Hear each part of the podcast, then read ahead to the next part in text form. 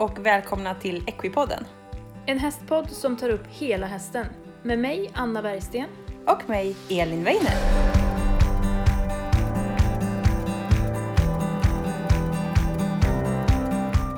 Hej och välkomna till ett nytt avsnitt av Equipodden. Och jag och Anna är på resa idag. Hej Anna! Hej! Ja, vi sitter faktiskt i Kungsbacka, eller utanför Kungsbacka. Yes. Med en gäst och då välkomnar vi Pontus Hugosson. Hej och välkommen till Equipodden! Tjena! Trevligt att vara här. Jättekul att vi får komma och hälsa på hemma hos dig. Ja, vad trevligt. Hoppas resan gick bra. Ja, Ja. det var ingen trafik. Det är mycket som har ledigt nu. Kanske så här sommar, Från Falkenberg så var det jättemycket. Ja, det var det. Ja, det jag hade ingen. Vad kul! Och vi är här och ska prata lite med dig idag och se vad vi kan hitta på. Men vill du börja med att bara säga vem du är? Ja, men mitt namn är Pontus Hugosson. Jag är fälttävlansryttare och eh, jag bor ju här på våran gård, familjegården här utanför Kungsbacka. Och eh, här är jag med mina hästar och eh, ja, jag har också mitt boende här på gården och tillbringar mesta tid här. Mm. Är det något som mer som ni kanske är gammal är, men det är alldeles för gammalt så jag tror jag vi släpper. Vi släpper det. Vi Ja. är lika gamla. Ja, vi är lika gamla ja, då, då, då går vi inte in på det. Vi, vi lämnar den. Ja, Ja, det är en jättefin gård här. Jag skymtade en fälttävlansbana runt hörnet här när vi kom in. Mm. Så att det är väldigt fina förutsättningar, både paddock, manege och en eh, utebana. Hur många hästar har du? Just nu är det inte så många. Jag tror vi har sex stycken där ute. Så det är väldigt... Eh, gården är kapabel för ett 20-tal. Men, Ja. eh, och jag hade väl ett större antal förr och många anställda och sådär. Men då, efter det så valde jag att dra ner lite. Tyckte det var... Det blev lite för liksom, rodda Mm. för mycket. Jag tänkte att ja, men, har man så så får man rida mer och liksom, men nej det blev tvärtom. Man sprang, fick springa och laga staket och Ja, fixa och grejer. Ja, det var mer Mm. jobb än vad det blev träning. Mm. Så nu så drog jag ner lite. Men nu är vi väl på inne på att kanske växla upp lite igen då. Mm. ja. Men tar du in andras hästar eller är det här Nej. bara dina egna? Ja, det är mina egna. Jag äger ju bara en enda häst Ja. och den är som en halv häst. Den, jag har precis köpt den. Det är Ja, okej. lilla Katitzi, hon är 80 centimeter i mankhöjd. Åh, så att, det såg jag på ja, eh, Instagram var det väl? ja, hon, är, hon är underbar. Så att, Mm. eh, jag är väldigt nöjd med mitt, häst, mitt första hästköp. Ja, grattis till det då. tack så Det tycker mycket. jag är ganska bra gjort att ha, bo så här och äga en halv häst. ja, hon, hon, är nog, hon är en hel häst i karaktär i alla fall. Ja, Sen storlek kanske, jag är inte van vid den storleken. Men, ja. Ja, vad ska du göra med henne då? Eh, ja men vi får se. Alltså först och främst så har jag köpt henne för att det har börjat komma lite liksom brorson, ja min Ah. brorson har ju, han är ju två år nu, han har ju knappt suttit på en häst så det är ju Mm. snart dags att börja träna då. lite. Ja. Men han har inte varit så nyfiken på henne än, men eh, och sen kommer det ju kanske fler så att eh, Mm. då, då tänker jag det är bra att ha. Och sen får vi se, vi håller på lite och gör lite egna grejer och så men det är ingenting som jag avslöjar riktigt ännu. Nej. Vad vi har. Men vi håller på att träna lite med henne så Ja, vad vad, hon, vad hon ska åstadkomma. Spännande, då får vi följa det. Ja, kanske. Och vi kommer ju, idag kommer vi mitt i, in i förberedelse för Falsterbo. Mm. Jajamän. Du åker ner i... Ja, det är, imorgon är tisdag så det är onsdag tidigt morgon åker vi. Mm. Mm. Hur många hästar har du med dig? Det är bara en.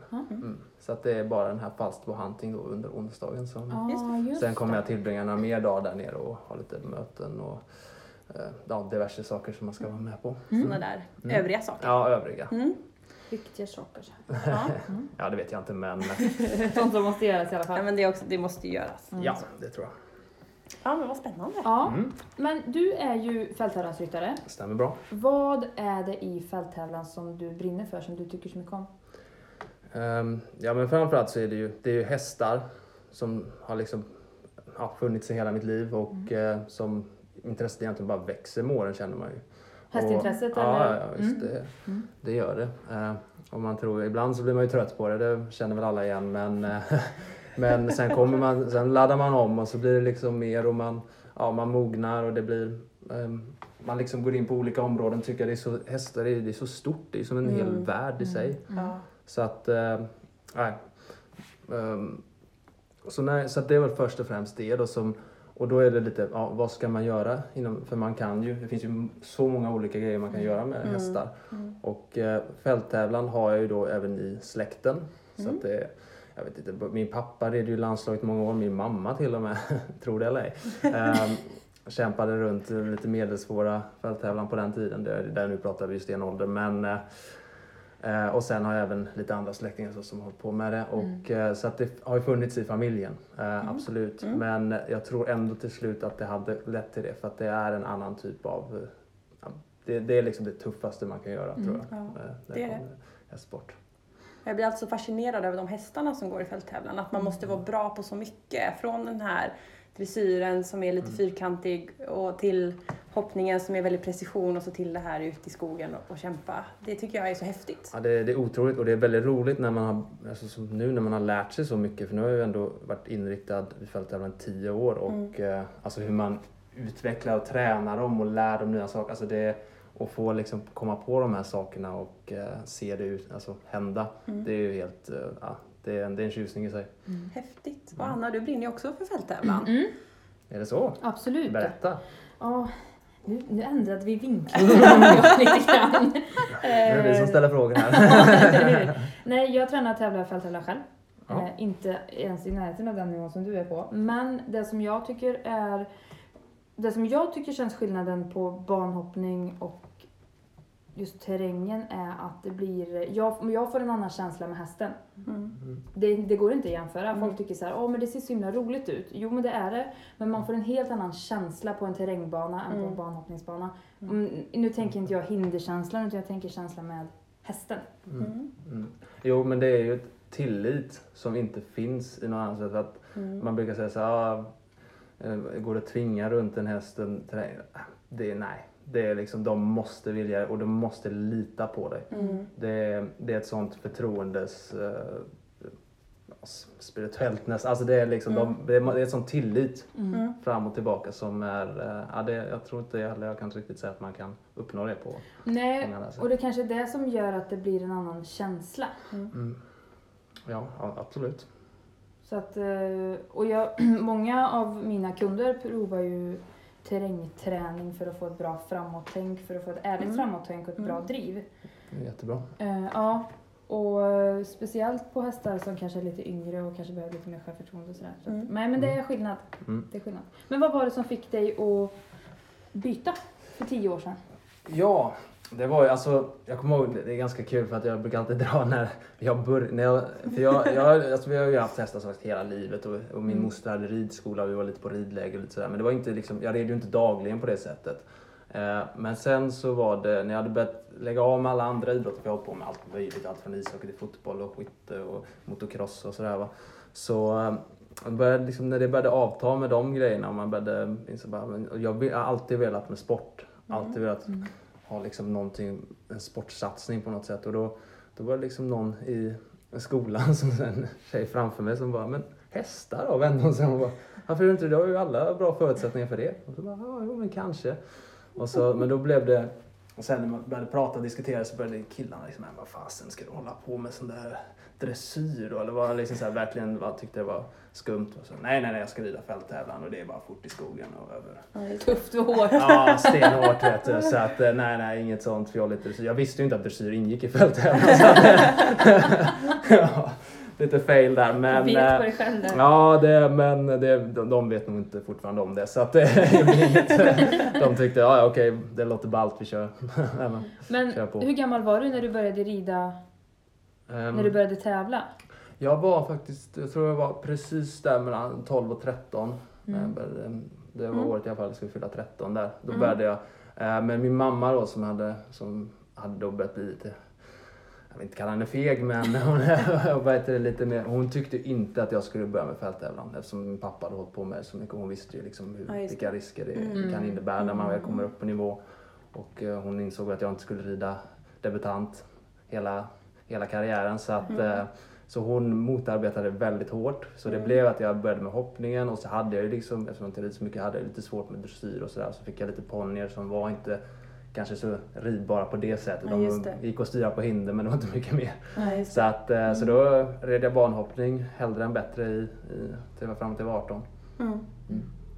Och sen bytte du. Sen så Mm. kom jag, men då, när jag var där eh, 16, 17, ja ända in till 18 då så hade jag nog lite sån här liksom, nästan livskris. Nej, inte, det vill jag inte kalla det för. Men det var väldigt så här, men, Mm. vad man skulle göra och, och, eh, och jag hade ju liksom den där lilla drömmen om fälttävlan. Så, att, eh, så jag tog ett snack med farsan och han blev engagerad som, som bara den. Så, att, eh, så vi körde på sen. Eh, Mm. Så säsongen då 2009 så, så gick jag ut. Så att, och det var ju ganska otroligt för att ehm, För då hade jag ju fyra. Vi, vi köpte in en som hade gått så det var ju en väldig Mm. lyx att få en som redan hade startat en hel Ja. del. Douglas Green hette den hästen. Och sen så hade jag ju ja, tre stycken hästar som var lite sådana här. Det var två gamla uppfödningar från mina, från när mina föräldrar höll på med uppfödning. Så de, var ju, de hade lite hoppning på men de var ju Ja. ja men de var bra faktiskt också för så sätt. Men, eh, och sen så hade min mammas dressyrhäst hade blivit kvar här. Och, så det var, jag, jag tog vad jag hade och så bara gick ut och startade. Men redan första månaden så hade jag startat nio stycken eh, fälttävlan. Wow. Ja, första fyra veckorna. Så det var ju lite, och sen tror jag jag gjorde någonstans mellan 40 och 50 starter redan första säsongen. Oj, Så det var verkligen bara raketstart. Men kul. Mm. om man tänker lite på det här med att, att du bytte disciplin. Tröttnade du på banhoppningen? Bara Ja. köra banhoppning? Jag var lite trött på banhoppning hela tiden tyckte jag faktiskt från Från början. start. Från start. Nej men det jag insåg lite var att det handlar ju inte så lika mycket i banhoppning om hur väl du tränar och hur, hur, liksom, hur duktig du är. Så du kan påverka. Självklart, jag säger inte att det inte finns skickliga banhoppsryttare, det finns det absolut. Mm. Eh, och det finns de som kan göra runder bättre och sämre. Men det ligger oftast så mycket hos hästen. Jag vet många duktiga som sagt ligger upp mot 70-80% på vilken häst du sitter på Mm. som avgör det slutliga resultatet. Och vad heter det, det insåg jag ganska tidigt att fälttävlan är nog inte samma sak. Mm. Och det har jag verkligen fått bekräftat efter den tiden att det är verkligen inte samma sak. Mm. Utan där skulle jag säga, där är det 50-50. Det Mm. ligger, självklart du måste sitta på en bra häst, du måste Mm. liksom sova. Men tränar du inte och liksom verkligen håller dig på den liksom Mm. toppnivå så då, då, då kommer du falla bort. Och det går inte det här med att liksom bara hoppa över och, och köpa en, en bra häst och sen ligga på, på sofflocket liksom och, Mm.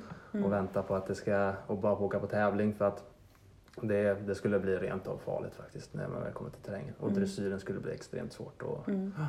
så att, eh, och sen så skulle det ha svårt att kunna, för det är det som jag tycker är det svåraste med fälttävlan som ryttare, det är att hela tiden ändra om till disciplin. Alltså först rida dressyr och då inte kanske rida banhoppningsdressyr utan faktiskt Mm. rida riktig dressyr. Mm. Och sen när du rider banhoppning inte liksom bli terrängryttare och bara rida lite, lite framåt, lite flackt och sen så i vad heter, terrängen kunna liksom rida alla hinder och allting sånt. Det är liksom de, man måste verkligen bli tre olika ryttare. Mm. Man är ju en kameleont. Ja, Verkligen. Och hästen också. ja och Mm. det, det tror jag är den största utmaningen just som ryttare på tävling. Mm. Att kunna liksom bara byta psyke typ. Mm. Hur tänker du för att komma in i rätt mode? Ehm, Jag har lite ord sådär Mm. som, jag, eh, som jag använder och lite bilder i huvudet. Mm. Gärna från filmer eller ehm, tal eller vad som helst. Jag tittar liksom lite YouTube. Jag, jag tycker om att titta YouTube och filmer. Det är lite det jag försöker göra när jag inte Mm. gör någonting annat. Jag försöker koppla av och eh, då försöker jag ta med mig saker som jag liksom ser. Typ som då finns det en film, eller en serie tror jag till och med det, som heter Napoleon. Eh, Det handlar ju om Napoleon Bonaparte Ja. och när han, då sitter han inne i något ridhus där och bara rider runt på någon häst och det ser så jävla häftigt ut liksom. Och lite andra bilder från så här marscher och sånt liksom när de sitter upp. Mm. Då, är det liksom, det, då, då får jag liksom min bild i huvudet Ja. liksom hur jag ska vara i ett liksom, när jag inte tänker, då är jag liksom där Mm. någonstans. Så att, eh, och sen så banhoppningen så kanske jag, jag vet inte, sett någon bra banhoppningsrunda eller ehm, jag har inget direkt bra exempel just för stunden men Mm. jag har även mina liksom, bilder i huvudet och mina ord som jag använder. Ehm, just för, för du kan inte tänka hela konceptet, du kan inte liksom tänka på varje, varje detalj. Mm. Utan du måste ha någonting som, du, någonting som binder dig till alla de detaljerna. Och det, ett ord eller en bild eller vad som helst kan vara skitbra då. Så att, och terrängen så har jag ju en hel, där, terrängen är ju det jag liksom älskar och det som Mm. jag tror att jag har som starkaste disciplin. Och där har jag, där har jag hela koncept hur det kanske en hel dag går in för att liksom bara förbereda sig inför det. Mm. Vad häftigt. Så Mm. mycket mentalt det Ja. är. Mm, ja, det är väldigt Tappar du det någon gång och blir bara jättenervös? Ja, men alltså, när, det här är det intressanta med mig. Att, alltså, för jag menar, det är ju rätt mycket, alltså, om man går ut i en stor, om vi pratar just terräng då. Mm. Så att om man ska gå ut på en stor tävling eller någonting som är så, eller man kanske går ut på en häst som man är, inte riktigt känner liksom sådär va. Då blir man ju nervös eller rädd eller vad vi än vill kalla det. Och eh, jag tror att då brukar folk försöka undvika det. Liksom. Men försöka, liksom, försöker tänka på bättre eller inte. Liksom så. Jag är tvärtom. då börjar jag hetsa mig själv. För jag vet att desto mer jag sätter mig in i rollen som att liksom, och liksom verkligen så här pressa mig själv. För terräng handlar så mycket, det är liksom en fight där ute. Mm. Alltså jag förbereder mig som att, jag vet inte hur det var i krig, men min bild av det. Mm. Att liksom, det, det, vi ska ut där och vi ska bekämpa de här hindren liksom. Mm. Och, eh, och då, då gäller det inte att vara liksom lite mild i kroppen eller lite Mm. mild i sinnet. utan Då gäller det verkligen att ha en sån liksom nästan killerinstinkt. Va? Mm. Och liksom gå ut där och liksom kämpa med sin häst och Mm. hjälpa den genom allting. Mm. Men har du någon gång tänkt sig, för det är ju, man skulle ju sitta här och ljuga om man sa att terräng var riskfritt. Ja, ja, det, För det, ingenting med hästar är riskfritt och Nej. speciellt inte terrängen. Men tänker du någon gång på det? ja hela Och tiden. ballar ur och blir skraj? Jag, alltså jag kan gå ut i terräng och tänka att jag ska dö. alltså det, eller inte jag ska dö men Men man kan ju risk. göra det. Ja, Mm. ja det, Mm. det, det, det, och Det är jag tror, jag tror många, och det är ett lite känsligt ämne har jag märkt.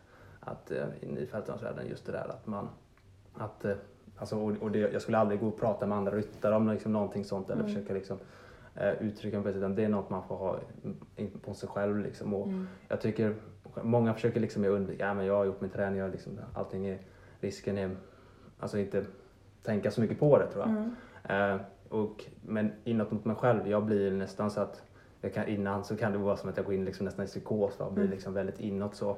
Och jag har verkligen system sådär för att liksom hur jag ska tänka igenom, alltså bara nedräkning till starten så har jag liksom när de säger två minuter kvar, då tänker jag på en grej. När de säger en minut kvar, då tänker jag på en helt annan. Mm. Och, eh, och jag kan faktiskt berätta att när, när, när det är två minuter kvar, när jag, antingen om de ropar ut det eller att jag hör det, då börjar jag tänka på, på personer som jag älskar Mm. och tänker på typ, jag brukar, jag brukar förbereda mig med att gapskratta när man får i sig Mm. den där känslan när man bara, liksom hur mycket man tycker om personen. Mm. Och det är allt från bästa vän till, till vad heter det, tjejen man tycker om till ens föräldrar Mm. och familj och så va. Och eh, bara tänker liksom på hur, ser dem glada framför Mm. sig. Och, och sen när de säger en minut kvar, då byts bilden. Och då är det väldigt så här, då kan, det vara, då kan du tänka på personer som har gjort dig orätt, situationer som inte var bra. Mm. Eh, börja spela upp sådana här bilder i huvudet liksom när det är, ja men kanske som, som jag sa innan, filmer och sånt här liksom när det är liksom ute i strid som gäller Mm. och, det, och bara börja liksom fylla dig med så mycket nästan aggressiva känslor är det. Mm. Eh, och det är ju då mot, och de aggressiva känslorna de är ju ut mot banan. Mm. Det är det som är fokuset. Jag, liksom, jag brukar ibland liksom bara sitta och hålla blicken på första hindret och bara tänka det är en jävel. Ja, just det. Vi ska besegra dig liksom.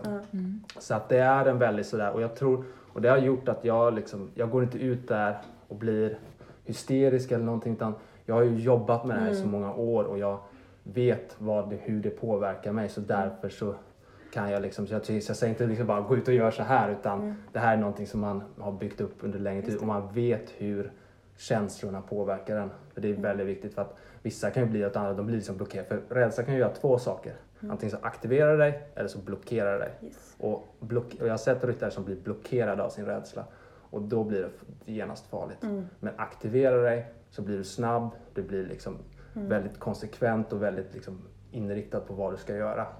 Mm. Så att eh, det gäller som sagt att veta. Mm. vilket- Det där är ju jättespännande, Jättespännande. alltså. Mentala är väldigt viktigt. Ja. Mm. Jag har också jobbat mycket mentalt Mm. i och med mitt förra jobb Mm. och när vi gjorde sådana saker. Att Mm. liksom det här att, att klara av att göra någonting som känns stort och omöjligt och någonting som är så otroligt riskfyllt. Mm. Och som jag vet att om den bredvid mig gör fel, då kan jag vara körd. Mm. Eller om jag gör fel så är någon annan körd. Mm. Att man hela tiden mentalt jobbar med de här sakerna och hittar verktyg som funkar för en själv. Mm. För du har hittat ett verktyg som funkar för dig och det är nog viktigt för varje ryttare, eller Mm. att funka i det vardagliga livet, att ha verktyg som funkar för att hantera olika rädslor eller hinder. Och det var vi ju inne på när vi pratade med Johanna, Mm. Plastsnack. Mm. Mm. Lite det här med att kunna kanalisera sig själv och, och omvända till motivation istället för att bli som en pannkaka. Ja. Mm. ja, jättespännande. Jag tror Johanna är lite mer mild än vad jag är. Jag är nog... jag brukar reta henne lite för det. Men, eh, men nej, hon är, hon är en tuffing egentligen, det vet jag. Men eh, ja, jag brukar som sagt, det är ett internskämt. Men eh, ja, nej, men, och sen så har jag väl märkt också att det blir svårare och svårare. Eh, när man var ungtupp och inte kände att man hade så mycket att förlora så då var det lätt att gå ut och göra liksom, bara känna de där känslorna så. Men nu blir det lite sådär, dels man blir äldre och det så att eh, man liksom kanske har mer runt omkring sig och man börjar Mm. tänka mer på, på vissa saker så, ja, då, då, så det kan. Eh, men ja, än så länge jag vad heter, har ju ingen egen familj eller någonting sånt. Men det är väl det som jag kanske, om, om det kommer till det en dag så vet jag Mm. inte riktigt hur, jag, hur det kommer påverka mig. Just det.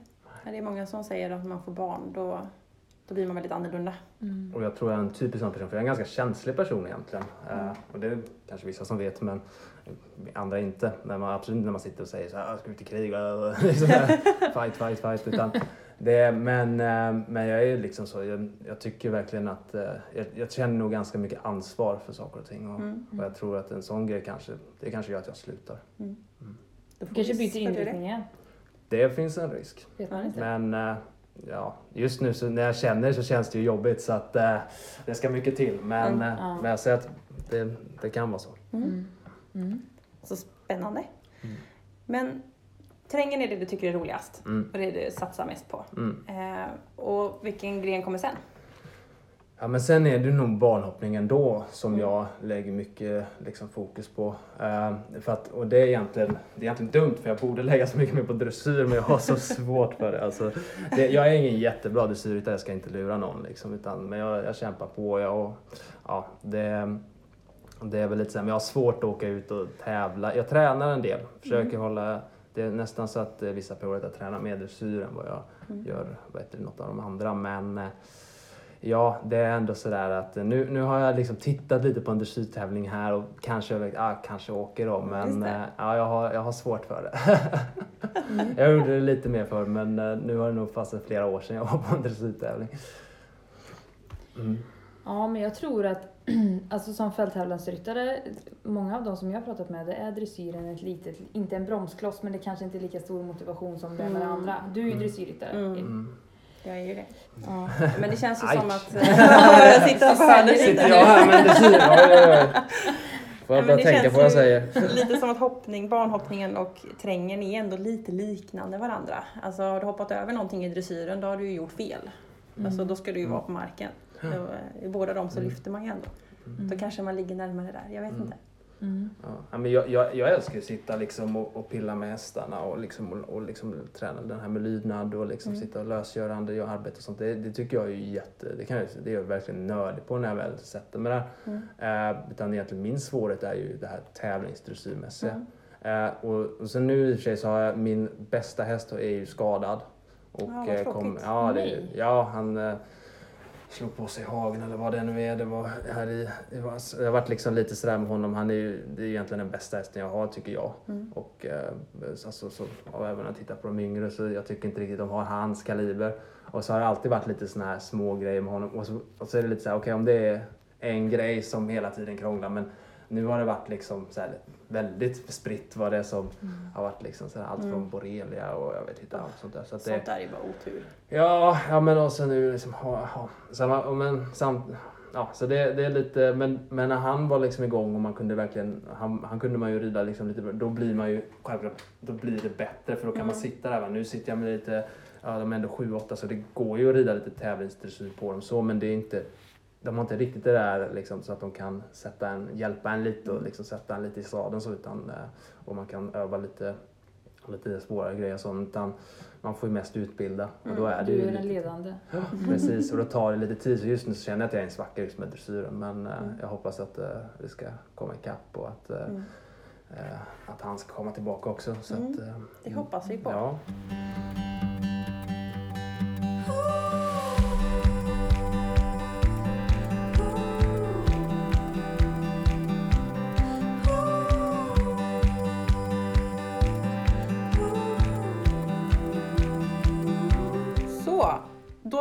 Vi kopplar tillbaka lite till fälttävlan och till just det här trängmomentet. Jag tänkte fråga lite hur du tränar och du bygger upp hållbarheten hos hästarna. Mm.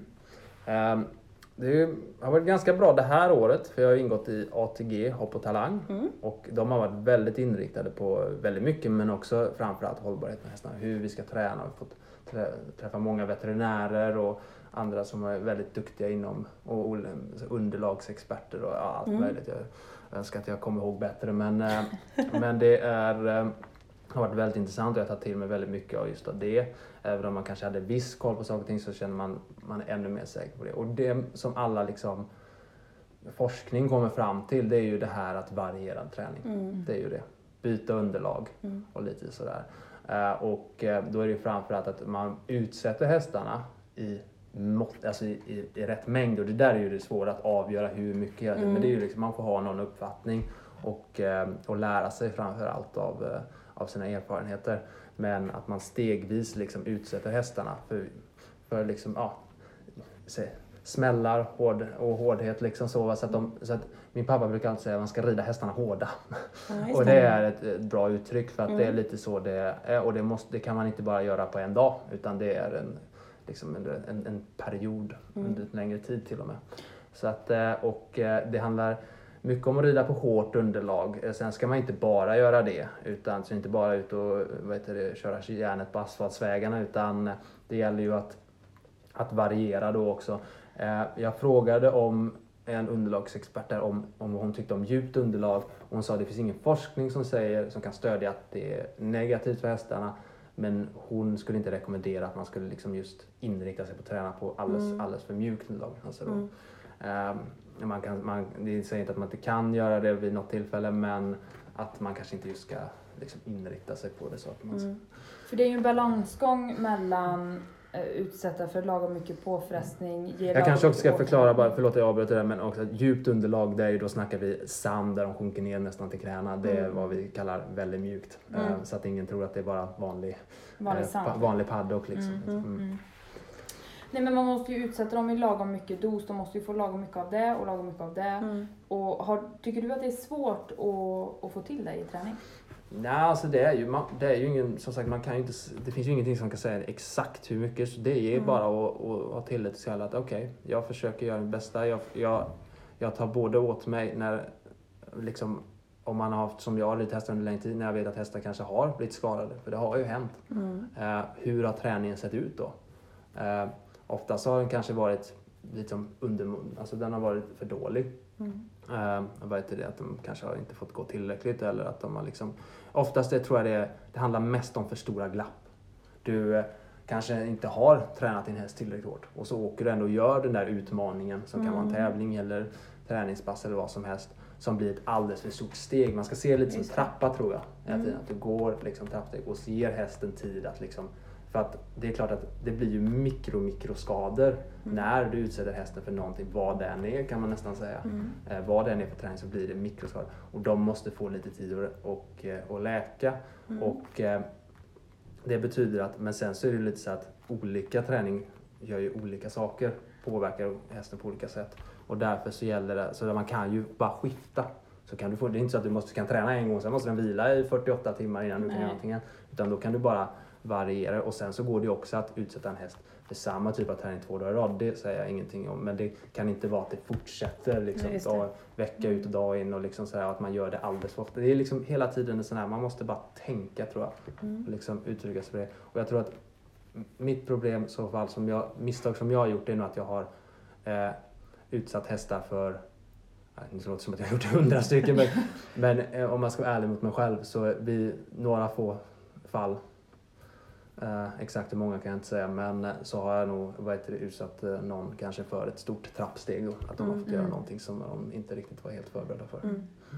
Och man måste ju göra några sådana för att lära sig. Precis. Så är det ju. Tyvärr är det. det. Det är tråkigt men det är lite så som, Mm. som det är. Och det, jag tror det viktigaste i det är att ta ansvar för det och eh, faktiskt Mm, säga till sig själv att det, För det tror jag vi har svårast för idag Mm. som, eh, som person, individer. För vi Mm. får inte göra misstag Mm. men ändå gör vi dem och då låtsas vi som att vi inte har gjort dem istället. Utan verkligen okej, det, det var vad som hände. Eh, då tar jag till mig det och så, så försöker jag liksom göra annorlunda nästa gång. Så man lär sig av det, Ja. såklart. Ja, för, det, anna- för, för ett misstag, är liksom, det är helt onödigt om du inte lär dig av det. Ja, precis. Och sen är det såklart, det är olika hästar har olika gränser och Mm. en, att man jobbar upp ett koncept för en häst kanske inte funkar Mm. för nästa. Så att det gäller ju att vara lyhörd och lära sig och Mm. känna, Ja. känna sin häst. Och jag vet att det vanligaste idag är just det här problemet. Som de vanligaste liksom skadorna som kommer på veterinär. Nej, jag ska inte säga att, det är, att jag vet exakt att det är de vanligaste, det har jag ingen siffra på. Men jag har hört att det är extremt många skador som kommer just för att det är för mycket enformig träning. Mm. I, så Mm. mycket kortisinflammationer och sånt där för att det blir liksom väldigt statiskt. Då. Hur lägger du upp träningen på en vecka eller sådär för en häst? Jag gör faktiskt just nu, det har varit lite olika perioder, men jag brukar faktiskt inte lägga upp eh, så att ja, en vecka så gör den det, det, det, det. Så, Mm. utan för ibland så kommer det lite olika. Det är där som är lite också, man måste hela tiden se om möjligheten. Vi bor i ett land som det kan vara ganska så svårt att bara göra, ja men den dagen ska jag göra exakt det Mm. och så är det två meter snö ute liksom. Mm. Det går inte ut och göra jobbgalopp. Så att jag säger så här, man måste också vara lite, liksom, ha lite tålamod med sånt och Mm. kanske lägga om lite. Jag brukar däremot vara viktig på att dokumentera Mm. vad jag faktiskt har gjort. För det kan vara, vad heter det, tycker jag, så mycket bättre. Mm. För då kan du gå bak några dagar och se att ja, men den här veckan, den här hästen har gjort detta, då kanske jag måste tänka om idag. Mm. Ehm, så jag tycker det är, nog, det är nog viktigare att dokumentera än att lägga upp. Mm. Det är väldigt bra sen tips. så är det väl jättebra att lägga upp också om man är beredd på att liksom kanske göra vissa förändringar. Men Mm. jag tror man, ja, det, det är hårt att säga liksom till folk att ah, ni ska hålla en stenhård plan. Liksom, för att Mm. helt plötsligt så vet man, då kommer den där möjligheten att men jag kanske kan vara med där och liksom på en träning så. Och då, då tycker jag det bara viktigaste är att okej, är hästen redo? Kan den få tid att återhämta? Är den tränad för det här? Och liksom så. Mm. Eh, men är, är, känns det liksom någorlunda okej så kör på. Mm. Eh, det är som sagt, jag måste utsätta dem lite också. Mm. Annars, man, om man blir för, min, min mamma kan ju bli lite så här att hon blir lite för liksom vaddar hästarna. Ja, men vet, så, liksom, nej, nej, nej, nu galopperar den i hagen. Liksom. Ja, men, de måste göra det också. De, är, Mm. de, är, de är skapta för att röra på sig. Och så, så att, Viktigt. man måste vara åt båda håll. Mm. Det är en vågskål. Det är det som är svåra. Verkligen. Jag tänkte på det, jag ser på din tröja här och du pratar lite om det. Det här Ja. ATG hopp och talang. Ja. Vad är det? Ja, det är ju ATG som ni kanske känner igen som är liksom travet. Det är ju Mm. liksom, Mm. vad heter det, spel på hästar och så. Ehm, och en, stor organisation och de är ju um, vad heter det också de som kanske drar mest pengar in till hästsport Mm. och så. Va? Ehm, så att eh, då har de ett liksom ett Ja, det är svårt att uttrycka exakt vad, vad det är, men det, jag, jag brukar kalla det för stipendium eller Ja, lite. det. Alltså det, det handlar om att de, de väljer ut två stycken hoppryttare, två dressyrryttare och två eh, fälttävlansryttare. Mm. Eh, som är på en nivå som är kanske inte liksom landslagsnivå men precis under eller på väg upp eller så. Mm. Eh, och så får de chansen att eh, eh, vara med. Så det är ett antal träffar där vi får inrikta oss kanske på det vi inte hinner med. Alltså typ så här, alltså de vet redan att vi tränar redan massa och dressyr och hoppning och allting och så där, men vi kanske inte är så inriktade på oss själva med fysträning och, så, och kanske liksom mer eh, Ja, som vi då, vi har fått mycket liksom utbildning i, i ja, prata med veterinärer och så som innan. Ehm, så att det, jag önskar att jag kunde liksom uttrycka allt det, för det är så mycket, som, så, så mycket bra man får med sig och man får lära sig både som sig själv och hur man ska liksom göra med sin satsning. Så de, de liksom ger en knuff eh, i det under ett års tid. Eh, och sen får man även ett visst ekonomiskt stöd Mm. för att lägga på saker som typ på vissa bitar som man inte hade gjort annars. Just det. För när man ser Ja. den loggan som Ja. du har på, på bröstet där, då tänker man ju direkt trav. Mm. Mm, absolut, men de är ju nu också inne i, i hästsporten. ridhästen. Ja, det är ja, väldigt intressant. Mm, Så det, det finns ju vissa som är eh, spelklasser då. Eh, Mm. bo- framförallt hoppning men nu även när jag ska rida huntingen då som är egentligen något mellanting mellan hoppning och terräng. Jag vet Mm. inte riktigt vad man ska... Mm.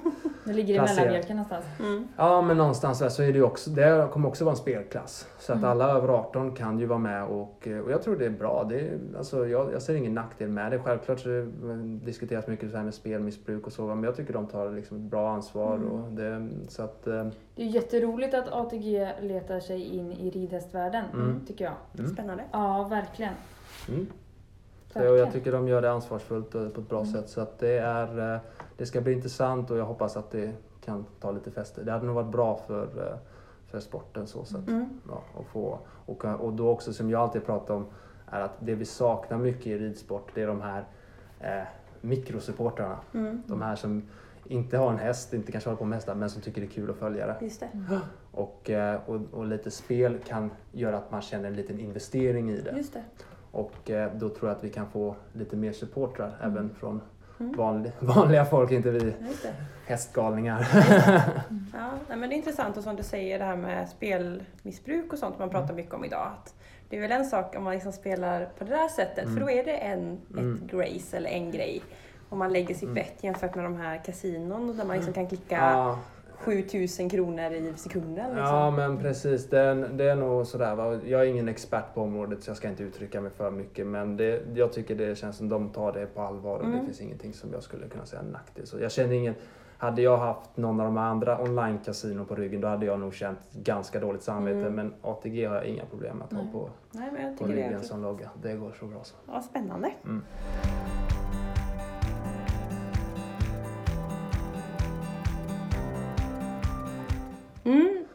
Intressant att höra hur du lägger upp träning eller hur du tänker kring hållbarhet, för den är ju väldigt viktig. Mm. Eh, Men vi ska koppla tillbaka lite till något vi pratade om i början. Vi pratade om att du hade bytt disciplin lite från banhoppningen in i fälttävlan. Just det. Mm. Jag tror det är många som byter lite eller funderar på att byta Mm. och det känns ju inte helt eh, smärtfritt eller eh, vad som är hinderfritt. Nej. Det känns som att det kan vara lite svårt. Mm. Hur, hur var din upplevelse kring att byta disciplin? Jag tyckte den var svår och då hade jag ändå som jag berättade tidigare att jag har ju liksom eh, både familj och släkt som kommer från sporten. Mm. Men eh, just som är fälttävlans stora problem tror jag att det är så, det är så mycket. Mm. Och det är ju kanske något som är svårt att undvika. Och sen det jag däremot tycker att vi skulle kunna bli bättre på det är att vi skulle kunna göra saker och ting lite enklare. Mm. Eh, och eh, vad heter det, få det lite mer lättförståeligt. Eh, och det, är det händer mycket grejer. Jag tycker fälten utvecklas extremt och eh, de försöker hela tiden att göra det lite mer, liksom, lite mer eh, förståeligt vänligt om man Mm. ett konstigt ord. Men ja, och det, det, men jag, jag kan fortfarande känna många gånger, till och med nu, att ibland blir det lite svårt att liksom greppa och man kommer till en tävling, man vet inte riktigt vad som kommer gälla. Man får Mm. liksom, det finns ingen så här standard så här, och jag tror det är därför som många undviker. Jag vet att många, när jag har pratat med folk, kanske framförallt hoppryttare då, eh, för det är där som, jag gick från hoppningen själv och de flesta som jag pratar, diskuterar med är i så fall hoppryttare. Eh, Att de tycker kanske att dressyr, ah, det är liksom det är Mm. dressyr. Det är oftast dressyren som är Mm. det är inte så konstigt för banhoppningen är ju med i, i fälttävlan då som en av disciplinerna och sen är det terräng och då tycker de det är kul att hoppa. Va? Men eh, sen att eh, sen att då dressyr är liksom lite främmande för så. Alltså det, det är också en grej. Och sen tror jag också med att, att det är också det här att det är så mycket nytt. Mm. Att det blir en sån ny värld. Mm. Och jag tror att om det är någon som är intresserad av att just att byta disciplin till någonting så gäller det att hitta någon person som har Mm. lite insikt. Det tror jag är det liksom nästan, jag tror man kan kanske gå hela vägen själv men nej, man måste nästan ha, grabba tag i någon och som i fälttävlan då måste du ju, du måste ut och, och ta ett sånt här grönt kort eller jag vet inte ens vad det heter längre. Fälttävlanskort heter det. Ja, fälttävlanskort det. är bra. Ehm, som, som gör att du, är, är- att du har fått ett liksom tillstånd att ja, du får vad heter det, delta i fälttävlan. För det är inte bara att anmäla utan Mm. det gäller att, att ha visat att du faktiskt kan hantera och göra terrängen på ett säkert sätt. Ja, just det. Och det har man utöver ett vanligt grönt kort? Alltså man får... Ja just det, Mm. grönt kort är ju... Ja, alltså det jag så länge sedan. Vad jobbar du med? Ja, jag vet inte. Jag- delar inte ut några kort i alla fall. Det- Nej men det är ju grönt kort och så Ja. har du ju fälttävlanskortet. Ja, okej. Och då ska Mm. du ju göra vissa moment på viss typ av tid. Okej, Mm. det det det kan du Mm. göra med typ en, en tränare som är, Mm. som är tränare. Ja, Mm. som kan utföra sånt. Ja, men de, de tar lite så här att de, de skriver på att, du, att faktiskt att Ja, de tycker att du är redo. Mm. Ja, det känns tryggt faktiskt. Ja, Mm. nej, men det tror jag. Det är, det är, och det är en viktig grej. Alltså, det är en säkerhetssak och det, det har jag liksom ingenting emot. Det är ju bra. Och sen så också då, då får de kanske kontakt med en tränare eller Mm. en person som faktiskt är lite insatt som kan hjälpa och liksom förklara och stötta. Mm. Och så. För det krävs en del förklaring och, och, Mm. liksom, och rätt eh, insikt. Men jag tror, ska man byta så måste man bara bestämma sig. Mm. Nu kör vi. Jag gör vad som krävs. Mm. Mm. Ja. Och inte göra det halvdant. Nej. Utan göra det. Utan liksom så, och man, man, man behöver dessutom inte bara säga så här, "Ah, okej jag vill, man själv kan man prova på lite. Men jag hade Mm. en grupp ponnyryttare igår, ingen av dem har tävlat fälttävlan utan alla var bara här och, och liksom provade på.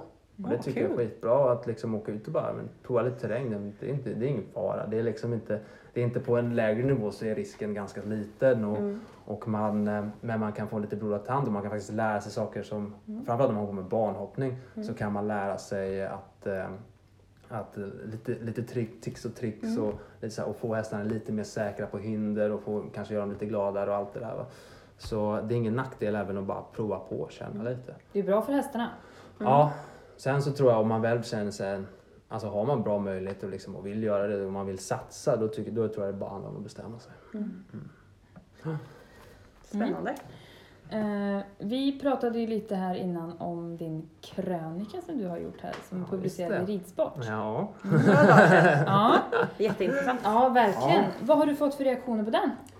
Alltså jag har väl bara sett lite på Facebook och haft några sådär som man kan känna som har hört av sig och tyckte, tyckte det var bra. Jag har Mm. mest bara sett liksom positivt.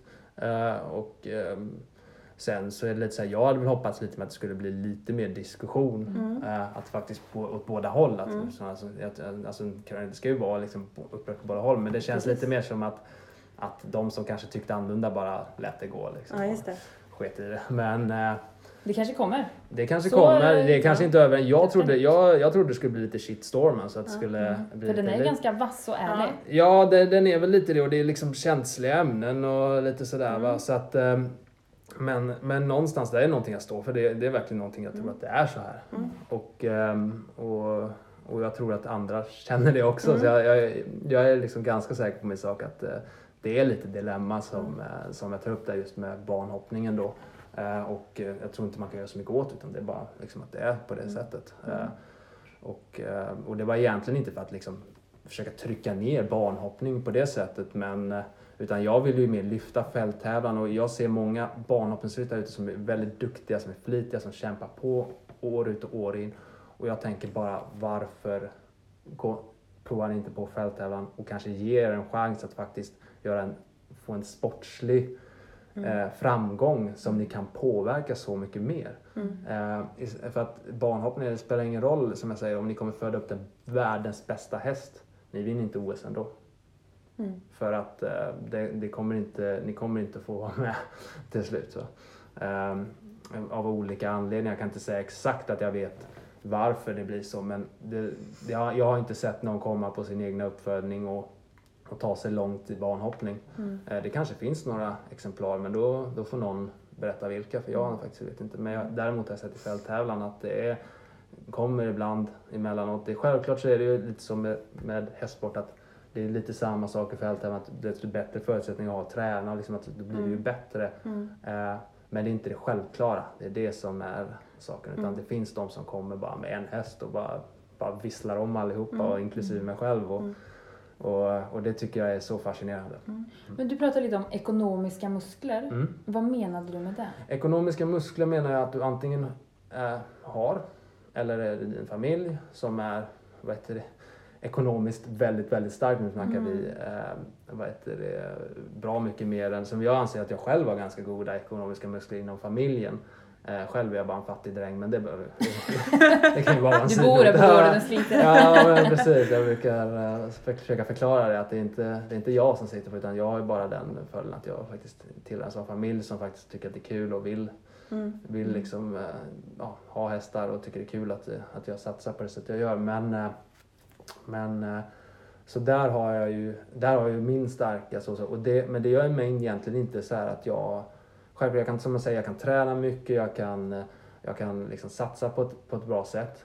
Men det gör mig inte till en självklar vinnare på det sättet. Att jag kan bara ja, men, åka och köpa den bästa hästen. Och, det här i och för sig hade vi nog inte haft råd med. Men, men ändå vad heter det, sådär att, och så kan jag bara glida på den. Och liksom, så här, utan det, det, det, på något sätt så funkar inte det i fälttävlan. Mm. Men jag tror du, har du bara tillräckligt med, med cash så, det, Mm. så kan du eh, kan du faktiskt näst, nästan göra det av barnhoppning. Mm. Det är ju utlöst mycket pengar i den här Ja, sporten. det är det är det. helt Ja. sinnessjukt. Ja, men jag, jag brukar säga till barnhoppningsryttarna så här lite fräckt att nej, men då, ni behöver inte träna ut och ragga upp en miljonär istället. Det kommer ni så mycket längre på. Det brukar bli sådär Du är omtyckt. Men... superpopulär när du Ja, ja, ja, springer. de älskar att höra det. Ja, det Ja. är, det är vasst. Nej, Ja. men jag tyckte om det. Du skrev just det att det kan komma någon som i fälttävlan som inte har så mycket och ändå bara för att man är så otroligt duktig ryttare, att Ja. man ändå kan klara sig och komma långt Mm. och att barnhoppningen så kan det då ta slut. Och det Mm. tror jag även gäller i dressyr, Mm. att det tar slut. Mm. Hur duktig och hur mycket man än sliter. Det tycker jag var en intressant synvinkel. Jag, jag, jag tog inte upp dressyr för två anledningar. Dels att jag redan gett dressyr så mycket skit genom annat. Så att, ehm, och vad heter det, eh, men eh, det är väl inte huvudsaken, det är att jag har inte så mycket insikt så Mm. jag vill inte uttrycka mig om det. Hoppning är ändå någonting som jag har hållit på med ganska mycket Mm. och, eh, och någonting som jag tror kanske ligger lite närmare Ja. fälttävlan än vad dressyr gör. Japp. Eh, Men, eh, men vad heter det, ja, det kan säkert vara så inom dressyr Mm. också som du säger. Det, men jag säger, det är inte mina egna ord. Nej, det var mina. Ja. Nej, jätteintressant. Mm. Ja. Bra.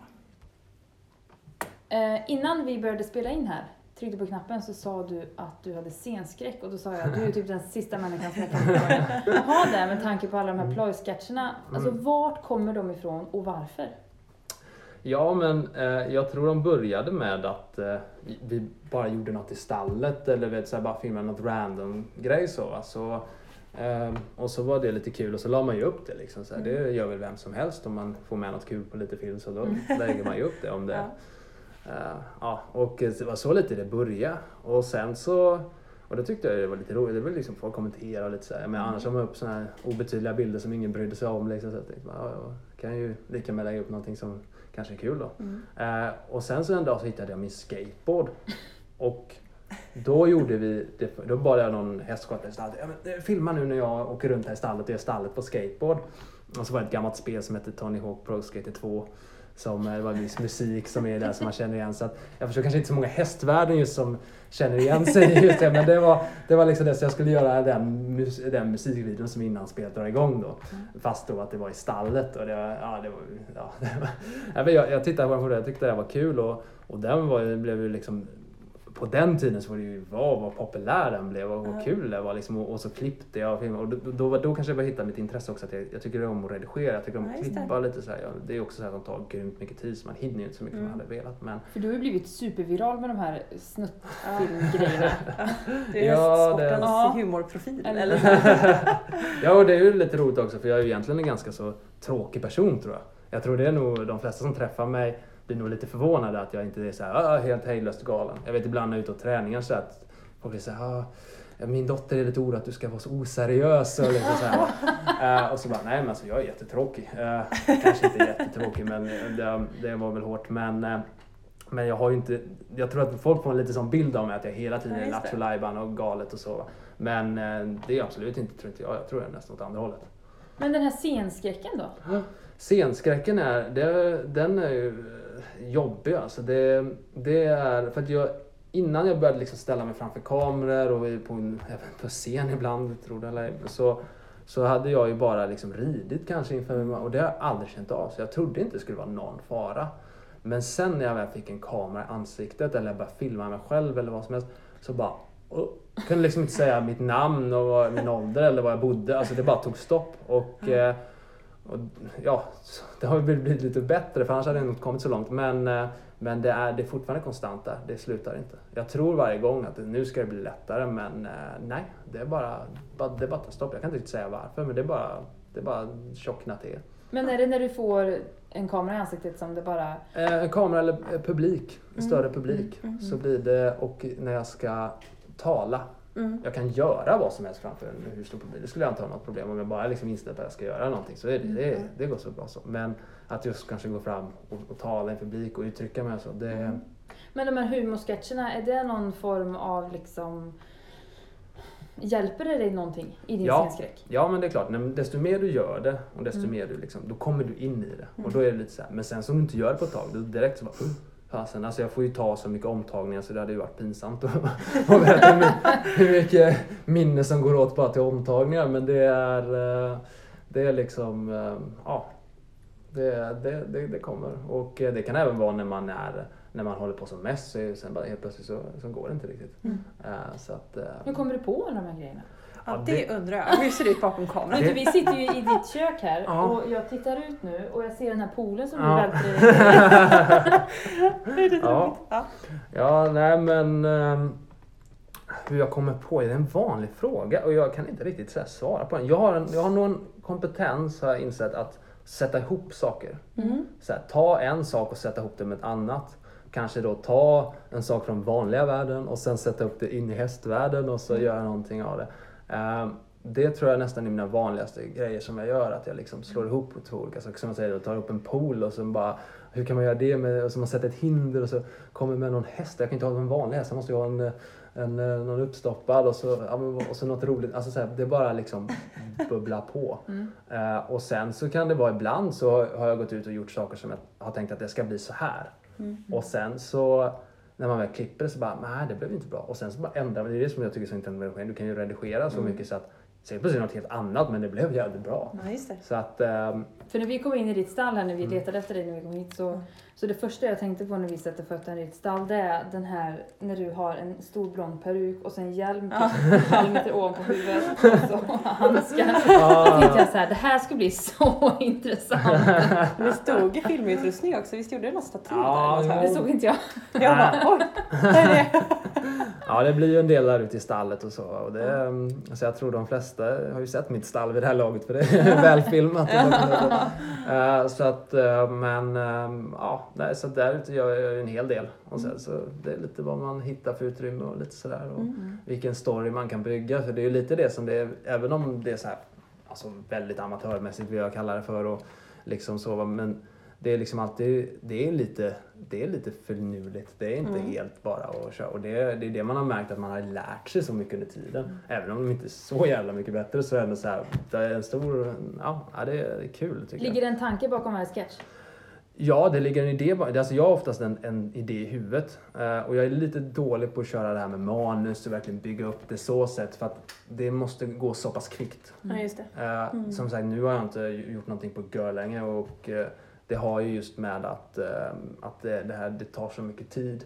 Mm. Och att spela in, alltså, och det, det kan vara så här, ibland har jag gjort skitroliga saker på, på en, mellan en kvart till 30 minuter har jag bara tagit att göra alltihop. Mm. Eh, Men sen så kan det vara vissa grejer som tar 6 till 8 timmar. Och, bara all, och sen måste man göra massa förberedelser innan och sådär. Mm. Och eh, det, det är oftast mycket roligare att göra de här långa projekten. Mm. De, men däremot så får de inte allt, de, sällan att de blir lika populära. Det är det som är de, Jag tror de populäraste grejerna jag gjort, de tog en kvart, en halvtimme att göra. Oj, vad intressant. Mm. Så att, men det är lite så idag, alltså, så att det är det som är lite att, alltså, ja.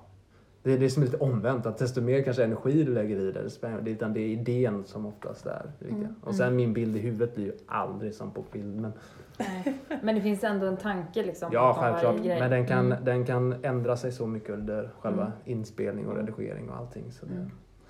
Men då måste jag fråga, för nu har vi pratat här rätt länge med dig och vi, Mm. man hör ju vilken fantastisk ryttare du är och hur du pratar om hästar och träning och hur du liksom jobbar med hästarna. Jag tycker det var väldigt fascinerande att höra allting.